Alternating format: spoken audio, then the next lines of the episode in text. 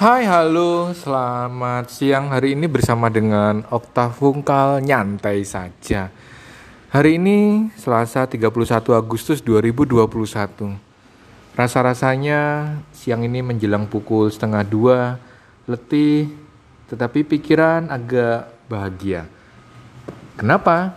Hmm, di depan saya bersama teman-teman ya menghitung untuk setelah tanggal 31. Ah, setelah tanggal 31 kan tanggal berapa? Tanggal 1. Ya, umumnya tanggal 1 itu adalah tanggal yang membahagiakan terlepas dari hari apa.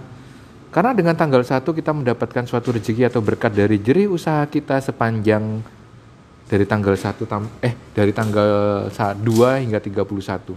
Menarik juga sih. Moga-moga dengan berkat yang ada membuat kita semakin kuat di dalam menjalani kehidupan kita kita jalani saja lah ya.